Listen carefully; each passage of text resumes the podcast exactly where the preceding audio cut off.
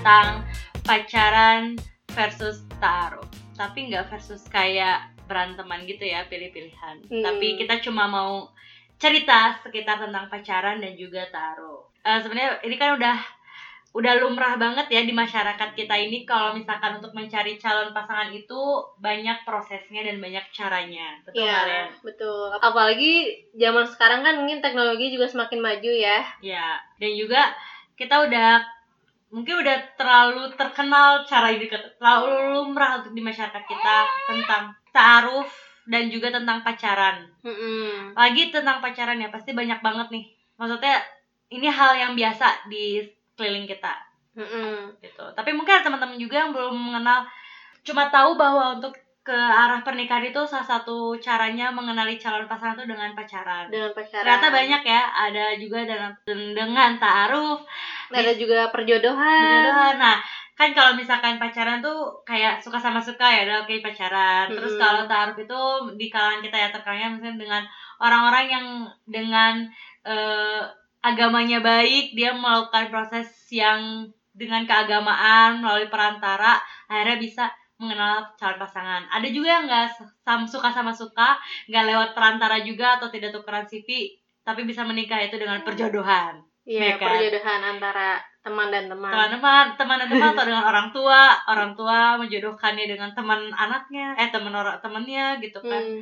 Ada juga yang ini Sekarang lagi- lewat aplikasi. Iya, sekarang lagi sekarang lagi booming banget tuh kalau misalkan cari calon pasangan itu lewat aplikasi. lewat aplikasi. Jadi banyak banget loh kisah suksesnya, di- apalagi di kalangan teman-teman aku tuh udah banyak banget yang pakai Hmm. cara itu. ada yang pakai Tinder. Tinder.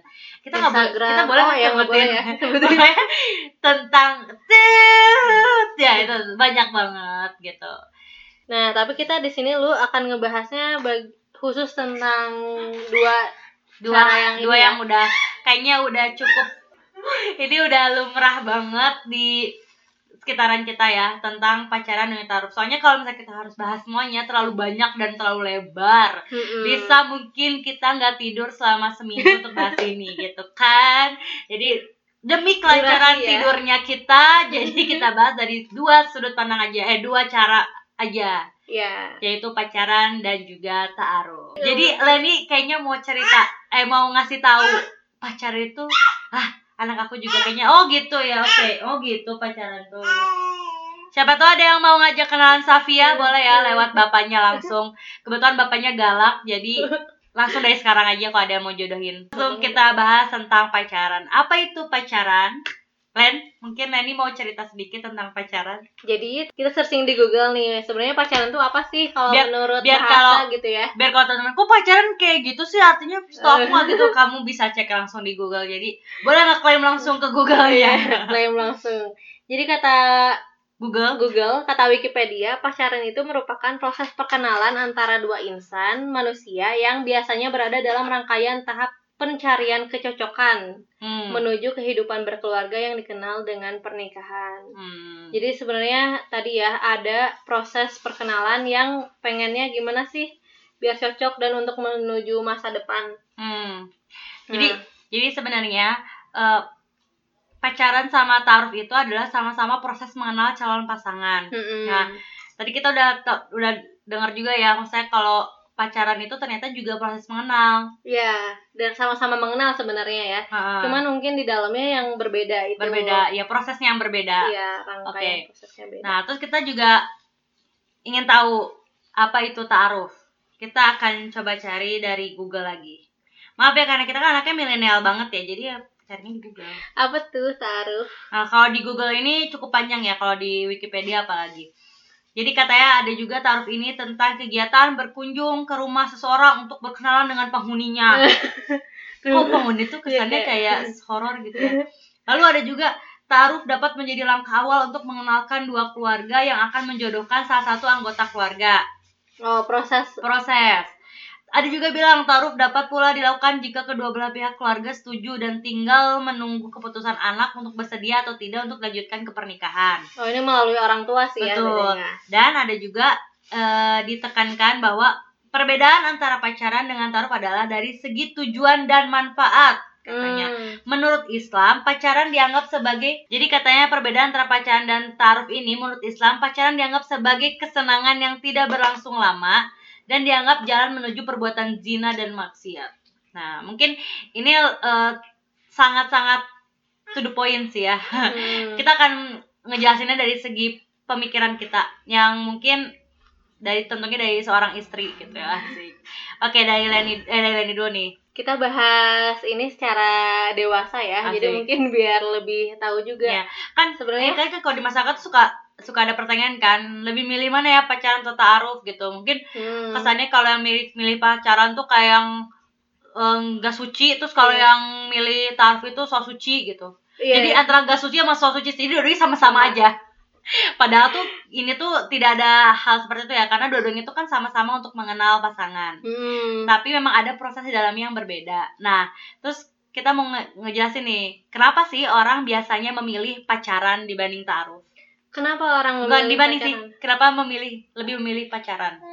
karena biasanya sih setahu aku yang pacaran tuh biasanya lebih mudah Hmm. karena kan hubungannya langsung ke orangnya kan Betul. jadi misalkan ada Suka. laki-laki yang suka sama perempuan terus nembak menyatain perasaannya mau Hmm. pacaran atau enggak gitu Ya, dan emang lebih lebih umum juga kalau secara masyarakat karena taaruf mungkin cuman orang-orang tertentu yang Iya. tahu dan yang punya metode taaruf juga nggak banyak gitu kan Hmm. di Indonesia ya, ya benar. harus melalui lembaga atau gimana Dan biasanya orang tua kita kalau misalkan disebut taruh tuh kayaknya lebih apaan apaan gitu. ya atau Heeh. eh, taruh gitu. Tapi kalau dibilang pacaran, oh pacar punya Oh, iya, pacar ya pacarnya gitu. gitu ya. Ya, benar-benar benar. tapi nah di dalam proses pacaran itu sendiri yang kita sama-sama tahu apa aja sih gitu kan Hmm. yang eh, berdua-duaan Hmm. saling bergandeng tangan Iya. biasanya kesannya tuh kalau pacaran tuh kayak udah saling memiliki gitu nggak sih? iya saling Karena kan memiliki. biasanya kalau orang pacaran tuh suka sama suka, nggak mungkin kan pacaran tapi nggak suka gitu.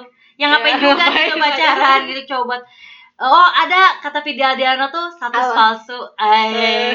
check it Itu out. kalau yang nyanyi kan kurang bagus ya, jadi langsung aja check it out.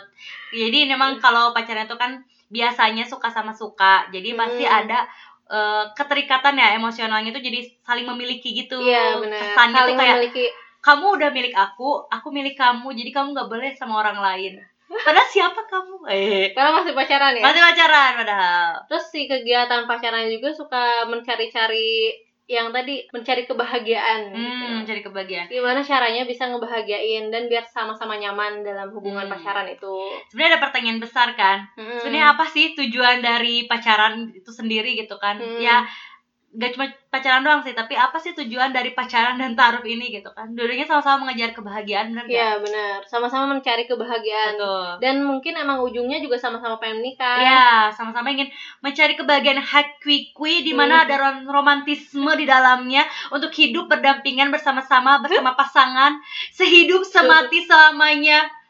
Happily ever after Oh my god, kayak gitu pangeran kan. Jadi emang di dalamnya pasti pengen tujuan utamanya itu adalah tujuan akhirnya adalah tujuan itu. akhirnya tapi mungkin yang beda adalah kalau taaruf tuh ada waktu khususnya Hmm. kayak limit eh, kita berapa lama berproses dan Hmm. nggak berlama-lama biasanya Kalau pacaran? kalau pacaran ya sejalannya aja mungkin ya Hmm. atau mungkin ada juga sih yang punya target juga di Hmm. tau di dua tahun ke depan akan nikah misalkan Tapi emang beneran jadi nikah? Eh, Eh. itu pertanyaan dari saya pribadi Iya. maksudnya. Gitu kan nggak ada yang tahu Gak ada yang tahu ya namanya jodoh. Hmm, nah tapi ternyata ini salah satu sumbernya adalah Instagramnya Iya, Coki kayak kita ridho banget ya. harus sebutin ya Iya. jadi kita declare dulu bahwa ada eh, bahasan tentang pacaran secara sains dari Coki Is- Isroki Hmm. Boleh dicekidot Iya, Instagramnya. bisa dicek. Jadi apa aja sih yang proses apa yang dijalani Hmm. dalam pacaran kayak gimana dan secara sains tuh gimana sih? Nah, jadi kalau dalam pacaran tuh kan yang tadi udah dibilang ada eh, tatap-tatapan, pegangan, Hmm. pegangan tangan, Terus juga ada mungkin lebih lanjutnya lagi ya. Iya, dan Karena- mungkin sampai ke hubungan Seksual. seksual sebelum nikah. Karena kan memang katanya tuh kalau pacaran itu kan hubungannya tuh suka ada levelnya gitu katanya. Hmm. Aku sering denger sih dulu maksudnya kayak di kalangan laki-laki ya yang Iya. ngobrol. Kalau perempuan sih jarang ya ngobrolin soal kayak gitu kan. Ya. kayak agak malu gitu agak ya. malu juga kayak nggak penting juga sih ya. Nggak tahu juga ya. Aku nggak pernah ngomong gitu. Cuman aku karena dulu aku cukup gaul anaknya ya. Gaul maksudnya di kalangan orang-orang yang gak gaul. Gak gaul. Apa sih? Apa sih? Jadi pokoknya katanya tuh kalau laki-laki tuh sering ngomong katanya kalau pacaran tuh ada levelnya gitu. Hmm, gimana tuh? Jadi kalau mereka misalnya mereka ngobrol nih ya Hmm. eh kamu udah tahap mana nih pacarannya? Oh. gitu biasanya ada oh udah, bareng iya, udah, udah- tidur bareng belum udah, gitu? misalnya udah udah ciuman belum? Misalnya gitu. Udah Oh. udah no- misalnya awal dulu tuh ya misalnya udah nonton bareng belum? Udah pegangan belum? Udah Hmm. ke mana aja? Terus misalnya udah cuman belum? Misalnya udah tidur bareng dan segala macam kayak gitu. Hmm. jadi tuh kayak ada levelnya dan gitu itu loh. jadi kayak tingkat kebahagiaan eh kepuasan si iya laki-laki nggak sih sih? iya makanya kalau aku ya pada saat itu aku kayak ngerasa malu banget ya diomongin nih kayak gitu Hmm. gitu ya aku sih nggak pernah ikutan ngobrol ya cuma kayak ih gele banget gitu ya jijik gitu dengernya. Cuman ya udah sih mungkin pada saat itu mungkin kedengarannya kayak lumrah juga gitu. Kayak hal yang ya udah biasa kali gitu. Iya, maaf ya benar. dulu mungkin aku agak-agak syaitonir rojim. Lanjut Len. Nah itu loh yang jadi yang disebut sama eh, ada namanya hormon eh, dopamin Hmm. yang emang keluar ketika dia dapat tantangan-tantangan yang baru, oh jadi kayak hormon itu memacu memicu eh, memicu si- maaf aku memacu kayak kuda memicu eh, apa perilaku-perilaku yang naik levelnya gitu. Oh. Misalkan kayak tadi pegangan tangan udah nih eh pegangan tangan tuh bikin kita deg-degan. ya Terus- udah berhasil Iya, ngerasa deg-degan terus ngerasa Hmm. eh, nyaman. Nah, tapi kalau udah setelah pegangan tangan, apalagi nih sih yang bikin naik lagi gitu setelah Hmm. pegangan tangan. Itu Nah, hormon apa sih yang keluar? namanya hormon dopamin. Oh iya hormon dopamin. Aku dulu sering dengar itu katanya hormon yang kalau misalkan kita ngerasa seneng Hmm. itu bakal keluar bener gak sih? Iya, nah hormon dopamin juga ngerasa kayak antusias gitu, kayak Ah, excited wah. menggebu-gebu. Oh, iya, bener-bener. menggebu-gebu. Hormon Hmm. yang bikin kita saling menyayangi gitu. Hmm. Tapi kalau ini tuh maksudnya dalam pacaran tuh ada juga yang kayak gitu. Mungkin di awal-awal kayak menyenangkan gitu ya. Mm-mm. Tapi di kalau udah mulai stagnan, Mm-mm. kita kan bosan ya. Iya, iya. ngapain lagi ya? Ngapain lagi ya? Nah, biasanya memicu hubungan yang ke arah seksual behavior gitu. Oh, apa ya namanya? Having sex gitu. oh iya, iya mungkin. Cinta satu malam. Bukan Cinta ya? satu- Aku mah tanya dangdut, maaf ya. Iya. Terus selain hormon dopamin tuh ada hormon apa lagi lah? ada lagi yang bikin eh, yang ini tuh timbulnya di laki-laki kebanyakan Tapi sebenarnya perempuan juga ada sebelum eh, sebenarnya perempuan juga ada namanya hormon testosteron ya. Hmm. yang kalau di laki-laki itu eh, kisarannya 75% kalau di perempuan itu 25% Wah lebih sedikit ya Lebih kalau sedikit. perempuan. Nah, fungsi si hormon testosteron ini adalah untuk rangsangan seksual. Hmm. Jadi eh, kan karena hubungan perempuan dan laki-laki itu bikin gairah gitu ya. Mm-mm. Ada gairah, Oh ya. rangsangan gairah. Nah, si gairah ini itu kalau diikutin terus itu akan di sampai pada hubungan pranikah yang tadi Hmm. disebut. Karena kalau kan tadi kan dibilang sama Leni ya, kalau hormon testosteron ini lebih tinggi di laki-laki. Mm-mm. Otomatis pasti kalau laki-laki ini jadi mudah terangsang, lebih mudah Iya, terangsang lebih mudah dibanding daripada perempuan. Iya, eh laki-laki. laki eh, lebih terangsang laki-laki dibanding perempuan. Ya. Dan juga mungkin kalau eh, laki-laki tuh lebih mudahnya gini, kalau misalkan cuma pegangan doang aja udah bikin terangsangnya super super duper gitu Iya, dibanding bener. perempuan tuh mungkin ngerasa kayak biasa aja. Terus ke selain sentuhan juga mungkin dari pandangan juga bisa langsung apa bergairah gitu ya nggak sih? Hmm. Dan bahkan dari suara-suara. Sempat gak sih kita sempat dengar kan dulu suara desahan Iya, gitu ya kayak cuma- lembut-lembut. kayak ular gitu kan gitu. Nagin gitu kan dia langsung wah tertarik banget buat nonton Nagin gitu kan. Karena ada desahan-desahan ularnya gitu. Itu bukan desahan mendesis coy. Iya, desis. maaf ya. Eh, dan katanya tuh kalau misalkan eh, laki-laki tuh emang fitrahnya katanya kayak gitu jadi kita nggak bisa nyalahin juga gitu loh Hmm, Iya nggak sih? Iya, ada pasangan juga kali ya. Jadi Oh. makin di bisa dilampiaskan, bisa disalurkan gitu. Salurkan. Nah, kalau dari segi perempuannya tuh juga ada. Jadi perempuan itu emang kebutuhannya tuh untuk diperhatikan, Hmm. untuk ngerasa jadi indah gitu. Hmm. Dan emang kalau sananya di feedback sama pasangannya, ih kamu cantik ya, kamu emang makasih pede Nah, itu bikin nyaman gitu. Hmm. Jadi makanya saling keterikatannya makin kuat gitu kalau Oh. seandainya di pacaran gitu. Oh, gitu Nah, ya. tapi yang tadi kita bilang sebenarnya apakah itu bisa membuat jadi bahagia? Iya, mungkin sebenarnya bahagia ya dalam Hmm. proses pacaran sendiri kita jadi bahagia. Makanya dibilang kalau pacaran itu kayak menyicil kebahagiaan. Ah, karena udah sama kita nggak tahu juga sampai kapan ya nggak tahu Mm-mm. dinikahinnya kapan nggak tahu mau nyampe mana nih pacaran jadi kayak dicicil gitu kan dalam proses itu ada bahagianya itu nyicil Iya, gitu ya. nyicil. sepanjang waktu guys Dan nyicilnya itu sebelum nikah gitu. iya parahnya benar ya. benar benar Kalau udah ny- cicilannya habis dan mau nikah, jadi pas setelah nikah masih ada nggak kebahagiaannya? katanya sih suka ada juga kan yang ngerasa katanya tuh justru jadi kayak nggak ada tantangannya ketika menikah tuh Bukan setelah menikah. jadi mm, jadi katanya karena udah pacarannya udah lama jadi kayak udah semua kebahagiaannya udah dirasain udah tahu pasangannya masing-masing juga jadi kayak ngerasa ya biasa aja gitu nikah tuh kayak sama aja lah gitu Hmm, jadi nggak ada yang berbeda gitu iya ya nggak ada yang aja. berbeda katanya sih gitu Terus katanya loh ya Oh ya, dan juga kalau seandainya kita udah melakukan banyak hal kayak kegiatan bareng ya, kayak atau enggak udah jalan-jalan bareng, liburan bareng tuh nanti setelah nikahnya apalagi yang baru ya gitu, Oh, cari-cari iya. lagi gitu. Hmm. Dan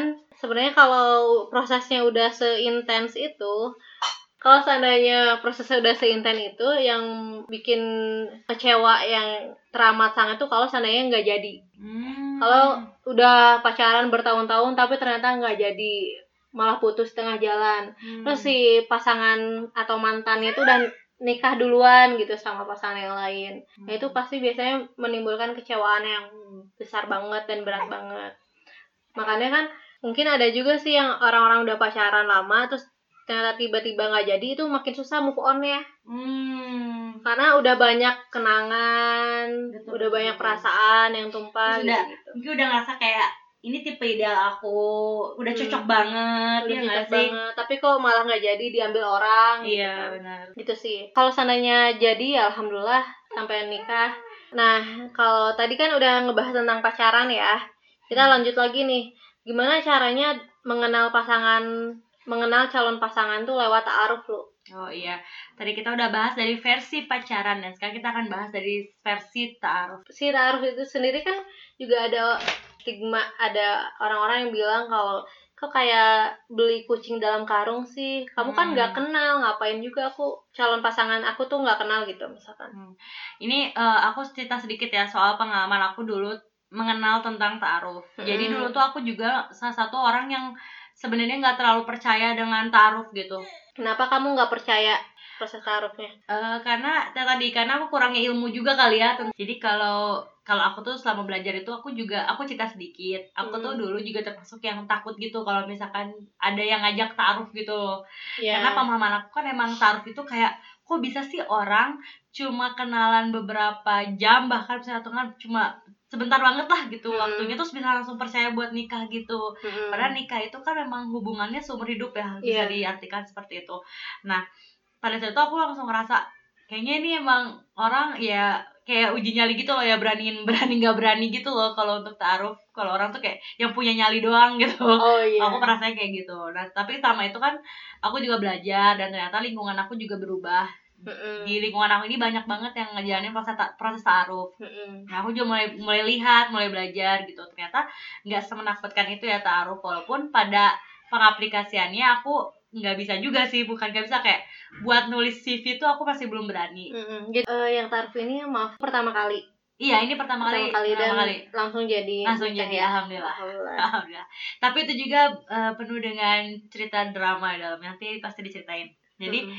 intinya tuh aku cuma tahu kalau misalkan taruh ini memang waktunya singkat dan juga melalui uh, proses yang cukup ribet juga em, kayaknya nggak terlalu transparan gitu. Hmm, Atas satu kayak kayaknya eh, selewat-selewat doang lah untuk kayak tahu si calon pasangan gitu. jadi kayak screening aja gitu Mm-mm, apa aja kayak, sih yang ya udah mungkin selewat-selewat gitu lah. Heeh. Nah tapi hmm, aku mulai belajar, terutama aku juga nanya sama Leni lah ya waktu itu.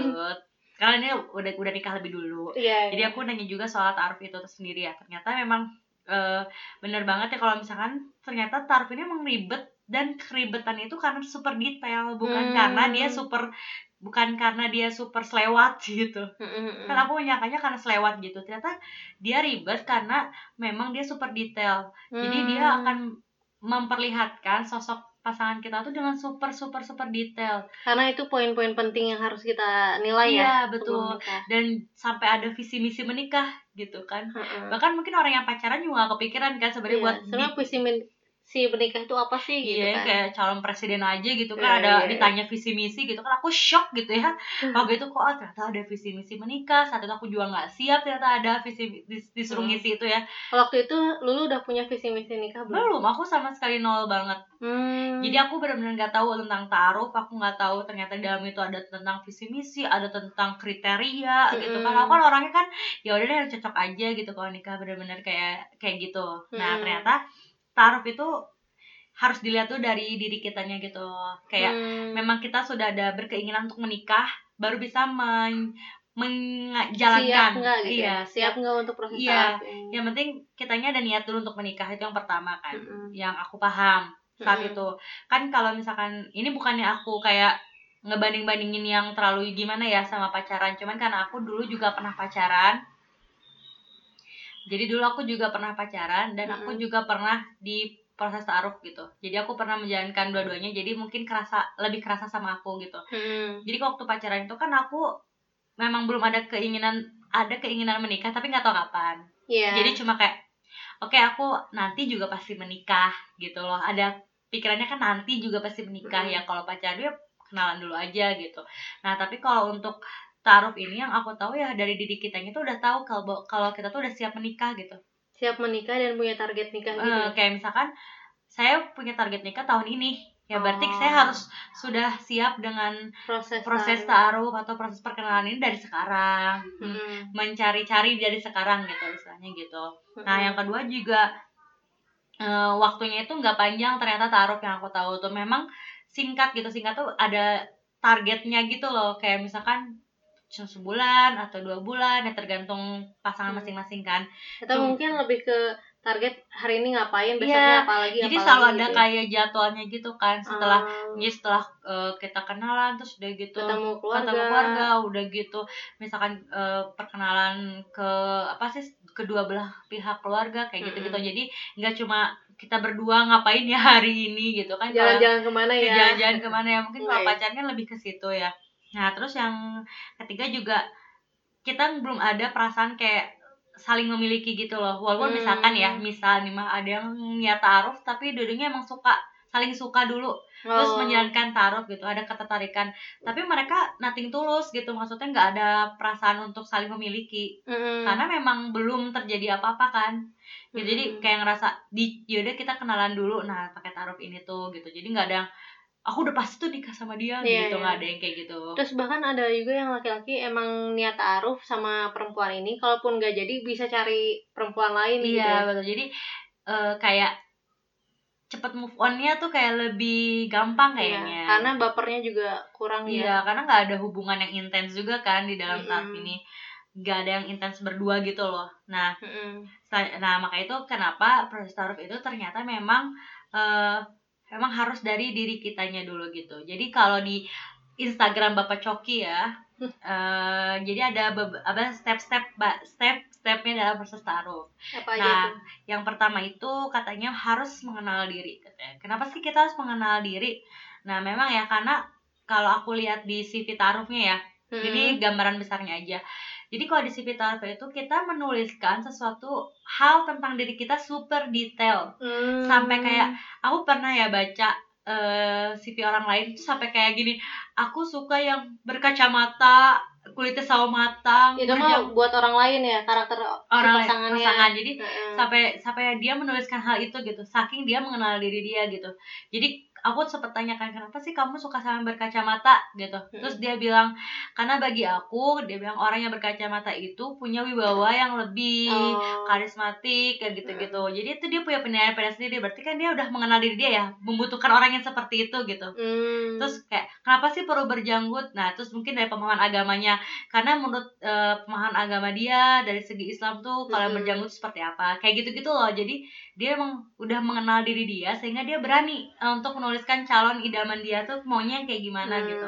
bukannya kalau mengenal diri itu sebenarnya lebih ke objektif aja ke dirinya sendiri. Kalau ke Iya, orang lain betul. mungkin kayaknya terlalu judge nggak sih? Eh, sebenarnya kalau judge itu kita kan udah kayak ih dia eh, berjanggut jangan-jangan agamanya seperti ini gitu kan Mm-mm. Nah kalau ini mah ka- kalau aku dari pandangan aku ya dia itu udah mengenal diri dia sehingga dia bisa menuliskan karakter seperti apa yang cocok sama dia Hmm. sehingga dia berani untuk menulis kriteria yang mungkin akan masuk ke kehidupan dia gitu. dan kalau spesifik yang tadi dibilang kayak berjanggut atau berkacamata Nah, itu nggak apa-apa Kalau menurut aku nggak apa-apa ya itu kan tergantung orangnya masing-masing ya. Mm. cuma Karena- jadi kesulitannya mungkin ya Nah ya itu itu beda bahasan lagi ya. itu pasti punya tingkat kesulitan karena kan itu berarti tidak general ya orangnya Iya, iya. spesifik banget gitu. atau hanya orang itu hanya ya. orang itu yang dia tuju sebenarnya nah cuman bagi aku sih nggak masalah ya kalau memang dia akhirnya menemukan orang seperti itu Mm-mm. tapi siapa yang melarang sih untuk nulis kriteria super detail selama ketika dia tidak mendapatkan itu dia masih bisa mentoleransi. Karena kan bukan prinsip ya. Iya ya benar. Sama Harus itu- ngebedain iya. yang mana yang prinsip, mana yang betul gitu. Nah menurut aku mengenal diri ini adalah salah satu keutamaan banget dalam proses taruh atau sebelum kita nikah gitu. Sebelum nikah tuh walaupun orang pacaran sekalipun ya dia tentu harus mengenal diri dia gitu. Bahkan yang single dan tanpa pacaran pun tetap dia harus mengenal diri dia. Kenapa? Mm-mm. karena memang ketika kita mengenal diri kita itu kita akan tahu gitu kita butuh yang seperti apa kita ingin menjalani pernikahan seperti apa terus juga eh, mungkin kita kalau punya anak ingin punya pengasuhan seperti apa itu kan kita karena sudah mengenal diri kita terlebih dahulu kayak gitu. Nah, ya, seperti itu ya. Jadi menurut aku kenapa kita harus eh, mengenal diri. Nah, terus selanjutnya adalah eh, mencari calon. Mm-mm. mencari calon tuh apa? Ngebidik. Selanjutnya kita eh, harus mencari calon. Mungkin kalau dari perempuan bisa menunggu calon gitu ya. Sambil berikhtiar juga melakukan Iya. kegiatan-kegiatan yang positif. Sebenarnya kan mencari calon ini kalau menurut aku ya nggak dilihat dari laki-laki atau perempuan aja kan. Harus dua-duanya juga mencari lah itu ya. Oh iya iya. kan nggak cuma laki-laki doang yang mencari calon kalau perempuan mah diem aja nggak nggak kayak gitu juga gitu maksudnya Hmm. Eh, cuman memang kalau di kita itu kan kayak tabu banget kalau perempuan tuh ngejar-ngejar Iya. laki-laki. Cuman sebenarnya kan nggak apa-apa kalau emang kita, sebagai perempuan dia sudah punya seperti kayak eh, seseorang yang ingin dijadikan pasangan gitu. Lalu dia ber- Hmm. mengikhtiarkan lalu pengen tukeran CV atau mencoba untuk taruh bersama pria itu gitu. Tapi memang masih tabu sih itu hal itu ya. Cuman nggak apa-apa. Nah, Tapi sebenarnya ada contohnya loh. Yang Khadijah itu. eh, Waktu itu kan Iya, juga benar. eh, yang pengen ke apa, Rasul kan? ke Rasul duluan tuh Hmm. Siti Khadijah cuman lewat pamannya, Iya, benar. lewat saudaranya, lewat perantara-perantara Hmm. gitu yang bikin jadinya ada kode-kode wah ini Iya. ada. Jadi kan nggak langsung Khadijah gitu juga kalau kan. nggak salah nanya-nanya dulu kan kayak Hmm. mencari tahu Nanya dulu. gitu lalu mengutarakan niatnya ke perantara-perantara itu kan Hmm. untuk di eh, kayak di dijodohkan lah untuk sama Rasul Iya. kalau nggak salah gitu nah jadi nggak masalah sebenarnya dulu Hmm. juga aku dipaksa sama suaminya ibu Leni tapi udah skip itu ngobrol ceritain masa lalu oke Masa lalu. jadi nah itu yang kedua mencari calon ini mencari calon ini bisa nih mungkin dari sekarang nih teman-teman tuh kayak nyari gitu dari teman-teman lingkungannya Hmm. atau misalkan dari eh, teman kantornya atau mungkin buka-buka grup siapa tahu ada yang nyangkut gitu reuni kan. reuni. Grup reuni nah selanjutnya yang ketiga itu adalah menanyakan kesiapan dalam menikah maksudnya Hmm. itu adalah menanyakan diri sendiri dan jadi yang yang ketiga itu adalah menanyakan kesiapan dalam menikah Mm-mm. jadi Kenapa itu, harus nanyain kesiapan itu dalam antara dua, menikah? dua pihak juga antara diri sendiri dan juga pasangan Hmm. jadi da- dalam tadi ya kalau dalam diri sendiri tuh benar-benar dikenali dulu bahwa kita emang udah siap menikah gitu. Mm-mm. ingin menikah dan siap menikah gitu.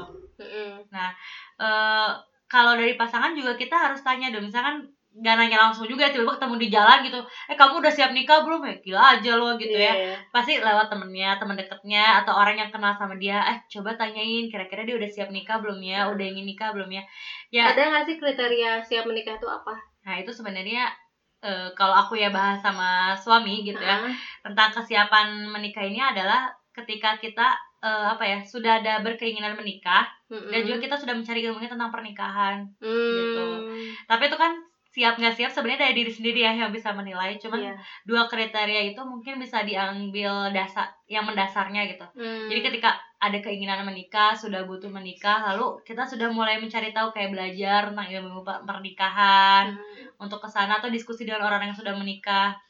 Ada Gitu. juga itu yang Ustadz bilang katanya Hmm. kalau laki-laki itu siap menikah kalau seandainya dia siap menafkahi, Ya, menafkahi istrinya. betul betul. Terus kalau dari istri siap menikah kalau dia siap, siap taat sama Nah, suaminya. bisa juga itu diambil ya kan. Hmm. Jadi emang kesiapan. Jadi mungkin ini kesiapan ini bisa eh, masing-masing yang menilai diri gitu kan. Jangan lupa tapi untuk nanyain ke pasangannya juga udah siap atau nikah, eh udah siap nikah atau belum. Soalnya jangan sampai nih kita udah pede banget taunya pasangannya taunya pasangannya tuh belum siap menikah Atau gitu. berencana nikahnya nanti lima tahun. Atau berencana nikahnya nanti lima tahun ke depan itu kan berarti masih panjang ya dia. Betul. Ya ya kan takutnya PHP atau kelamaan gitu ya. Kelamaan tuwir gitu kan. Nah, terus yang keempat mengajak taruh mengajak taruh atau perkenalan. Ini yang kelima juga ada ada proses taruhnya. Jadi yang keempat mengajak taruh, yang kelima proses taruh. Menjalani proses taarufnya gitu. Nah, jadi yang mengajak taruh itu kayak berarti ada niatan kan. Setelah itu kita sampaikan kepada perantara gitu kan kalau misalkan kita ada berkeinginan untuk mengajaknya taruh gitu kan. Mm-mm. Langsung udah gitu langsung kalau oke baru kita lanjut ke proses taruh. Nah, biasanya ini tuh harus ada perantara. Nah, Oh, ini iya. yang membedakan antara mungkin pacaran sama taruh. Nah, kalau pacaran itu di proses kan taruh itu artinya berkenalan ya kalau nggak Iya. salah. Jadi mengajak kenalan dan proses kenalannya ini kalau di pacaran itu kan langsung ya biasanya Langsung tanpa- berdua gitu langsung ya. berdua misalkan eh, aku mau kenalan sama kamu kamu mau pacaran sama aku bla Hmm. bla itu kan langsung menjalani nah tapi kalau di taruh ini tuh ada perantara gitu Hmm. setahu aku jadi nah perantara ini adalah tugasnya agar tidak ada eh, hubungan yang langsung intens gitu antara calon pasangan Karena gitu. orang ketiga itu biasanya kamu setan sih nggak sih? Kalau nggak nggak setan ya berarti orang itu Iya. perantaranya. berarti perantara aja Gimana sih maksudnya? Jadi Intinya emang- perantara itu dibutuhin biar ini ya eh, terjaga gitu Betul. hubungannya. Iya, benar biar terjaga.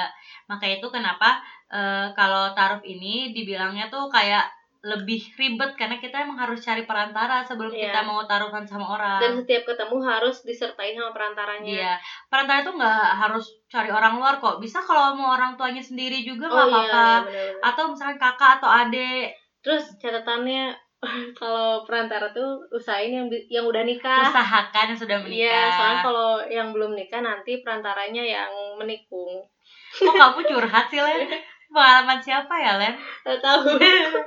Jadi biasanya kan Jadi suka ada gitu ya lebih- hukum hmm. hukum apa sih katanya hukum mak comblang tuh katanya Iya, suka iya. dapetin calonnya gitu ya intinya kalau udah nikah kan bisa tuh suaminya sama si calon prianya, benar. perempuannya sama calon ya Kan ini. khawatirnya kalau misalkan kita nih sebagai perempuan terus cari perantaranya yang perempuan lagi perempuannya Iya. harus nyampein ke laki-laki nah itu nggak ada hubungan juga nggak ada maksudnya nggak ada nggak ada yang menjaga juga kan antara Iya. perantara kita sama calon kita kalau sama-sama belum Iya menikah benar. Tapi kalau ada suaminya gitu kan bisa jadi suaminya lah yang akan menyampaikan kepada calon pasangan kita gitu kan dan istrinya lah yang akan membersamai kita gitu Iya. menjadi perantara kita gitu. Dan begitulah sebaliknya gitu. Makanya kenapa perantara ini yang pertama kali harus kita cari. Juga kalau bisa perantara ini adalah seseorang yang kita nyaman gitu oh loh. iya benar-benar. Karena kan ini prosesnya tuh kita berkenalan ya. Jadi kita akan sedetail-detailnya gitu menceritakan tentang kita kepada perantara kita Karena kan. personal banget ya. Hmm, personal banget. Jangan sampai cuman hai hai gitu. Iya,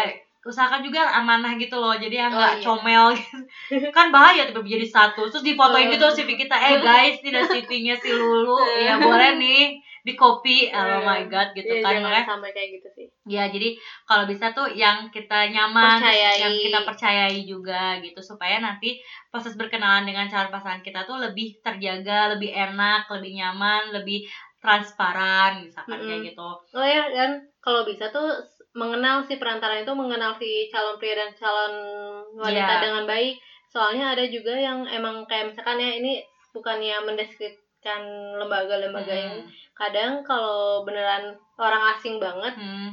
bisa jadi bias gitu kok Hmm. kayak kurang kurang valid gitu sih jawaban jawabannya Hmm. informasinya Hmm, karena biasanya perantara ini kan ngebantu ya supaya kita tuh bisa bisa cari tahu tentang si calon pasangan kita. Mm-mm. Misalkan eh, kita pengen cari tahu dari teman-teman sekitarnya, kita bisa nanyain ke perantara juga gitu loh, nggak langsung, tapi bisa juga sih langsung nggak apa-apa. Cuman Iya. lebih enak aja kalau ke perantara gitu kan, Mm-mm, jadi banyak sisi gitu ya banyak sisi gitu. Itulah tadi eh, proses yang membedakan antara pacaran sama taruh itu adalah adanya perantara.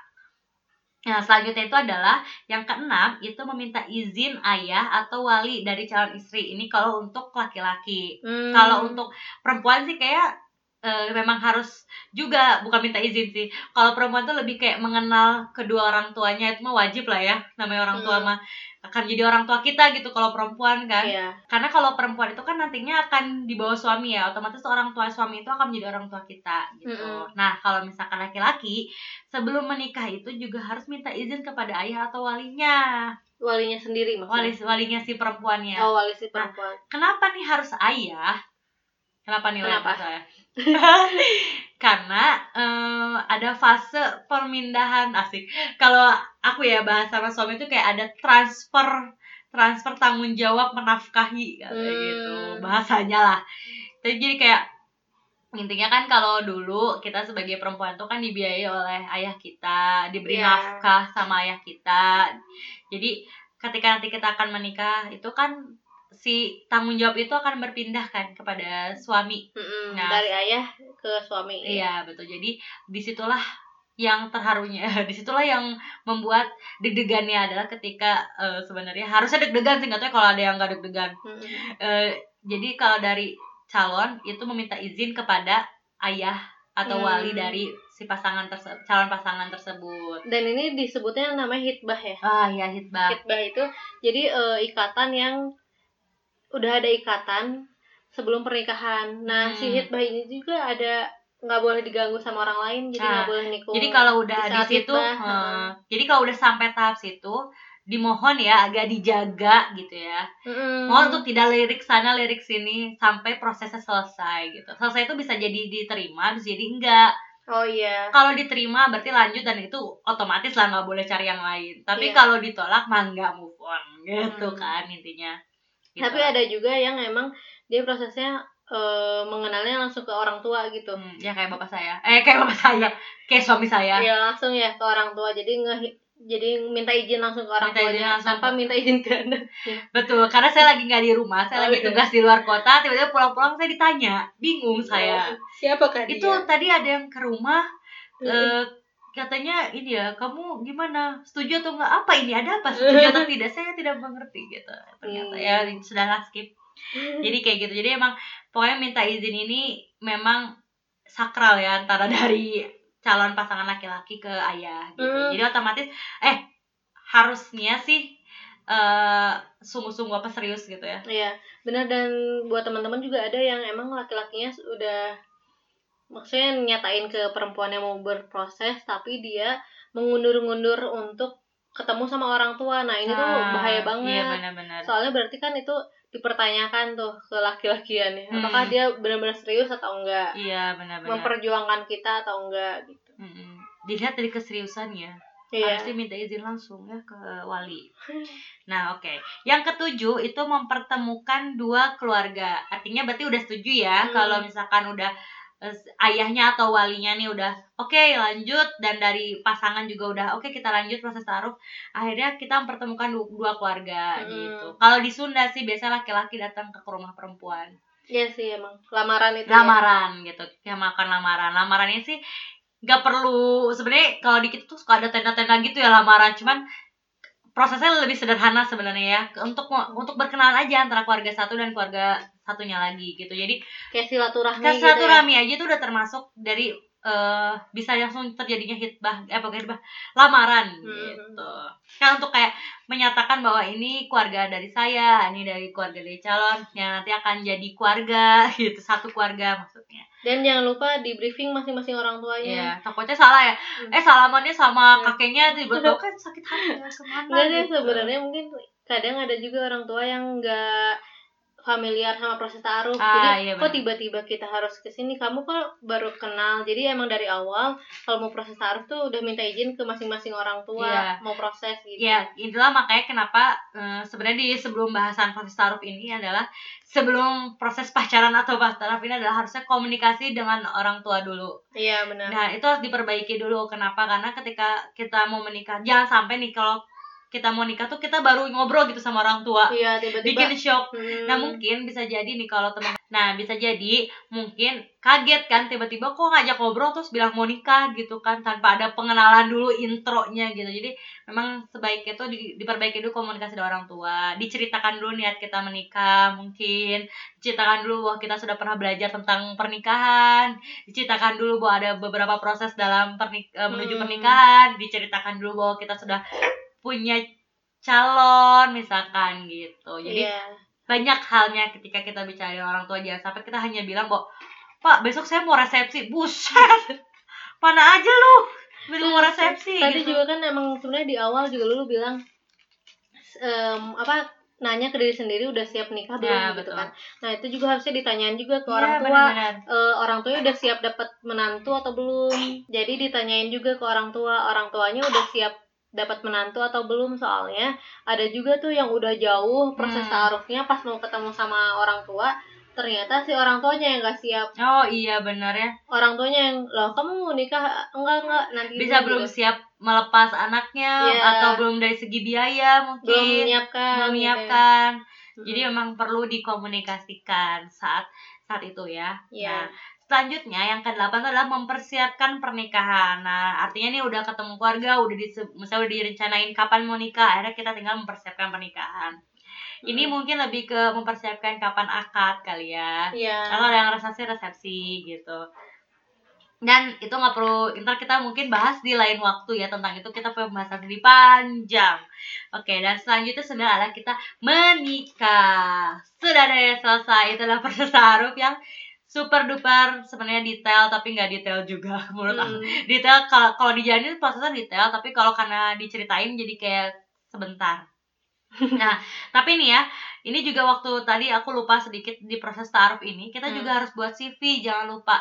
Hmm. Nah, jadi yang membedakan antara eh, pacaran sama taruh itu adalah karena kalau di taruh ini tuh ada namanya tukeran CV. Mungkin teman-teman yang udah pada ngelamar kerja tahu lah ya bentuk CV kayak yang polosannya gimana. harus kayak gitu ya maksudnya. Nah, Tapi ini ada yang membedakannya. Kalau misalkan CV di kalau CV di mana namanya? Eh, nah taruh taruh itu CV-nya super detail kan kalau misalkan kayak di kerja itu kayak CV-nya paling cuma biodata sama Biodata pengalaman singkat eh, biodata singkat, pengalaman kerja sama pendidikan yang pernah ditempuh atau organisasi yang pernah dijalani gitu ya.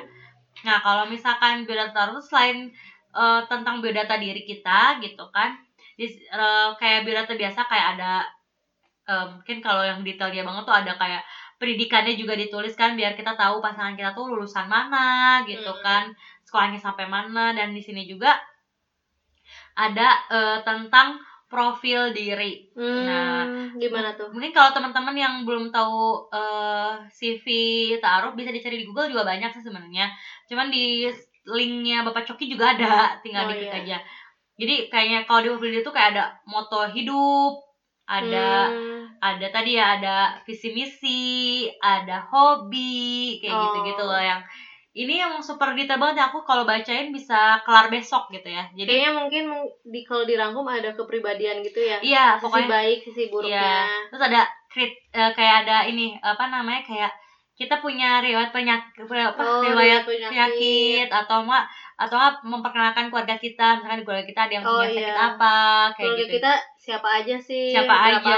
keluarganya gitu. So, misalkan eh, basicnya tuh kerja atau pengusaha kah jadi kan biar siap-siap juga ya untuk jadi calon pasangan tuh kan Hmm. seperti apa gitu terus eh, ada kesiapan eh, pranikah kayak misalnya kita diceritakan bahwa kita sudah pernah belajar tentang menikah misalkan Hmm. atau diceritain juga kita eh, sudah siap dalam segi finansial karena misalnya bekerja atau gimana gitu itu Iya. diceritain juga Terus sama sehari-hari mungkin ngapain aja Iya. kegiatannya.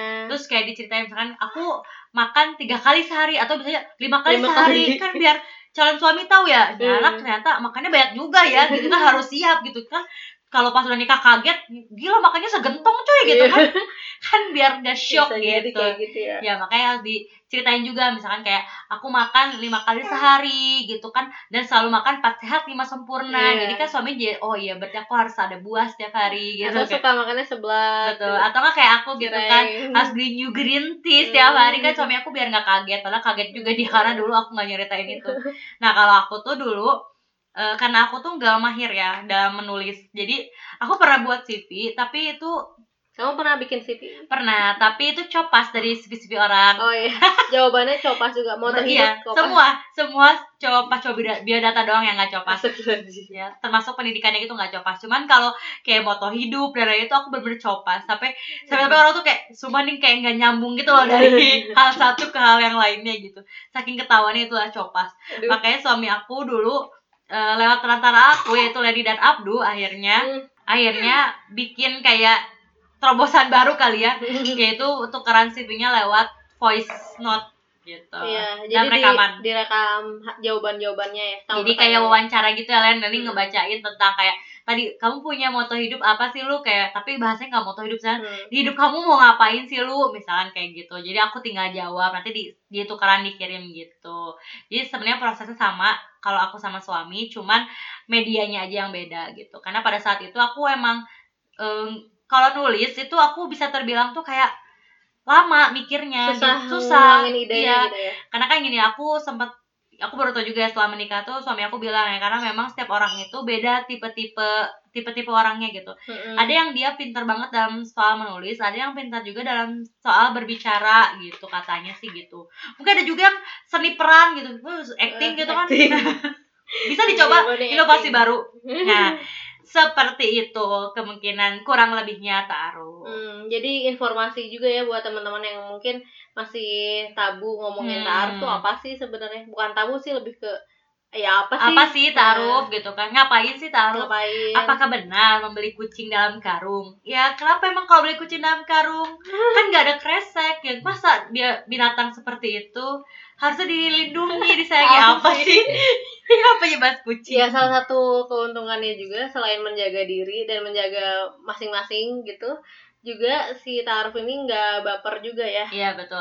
Jadi Kalau kalau kalau taruh ini tuh putus atau kalau udahan Iya.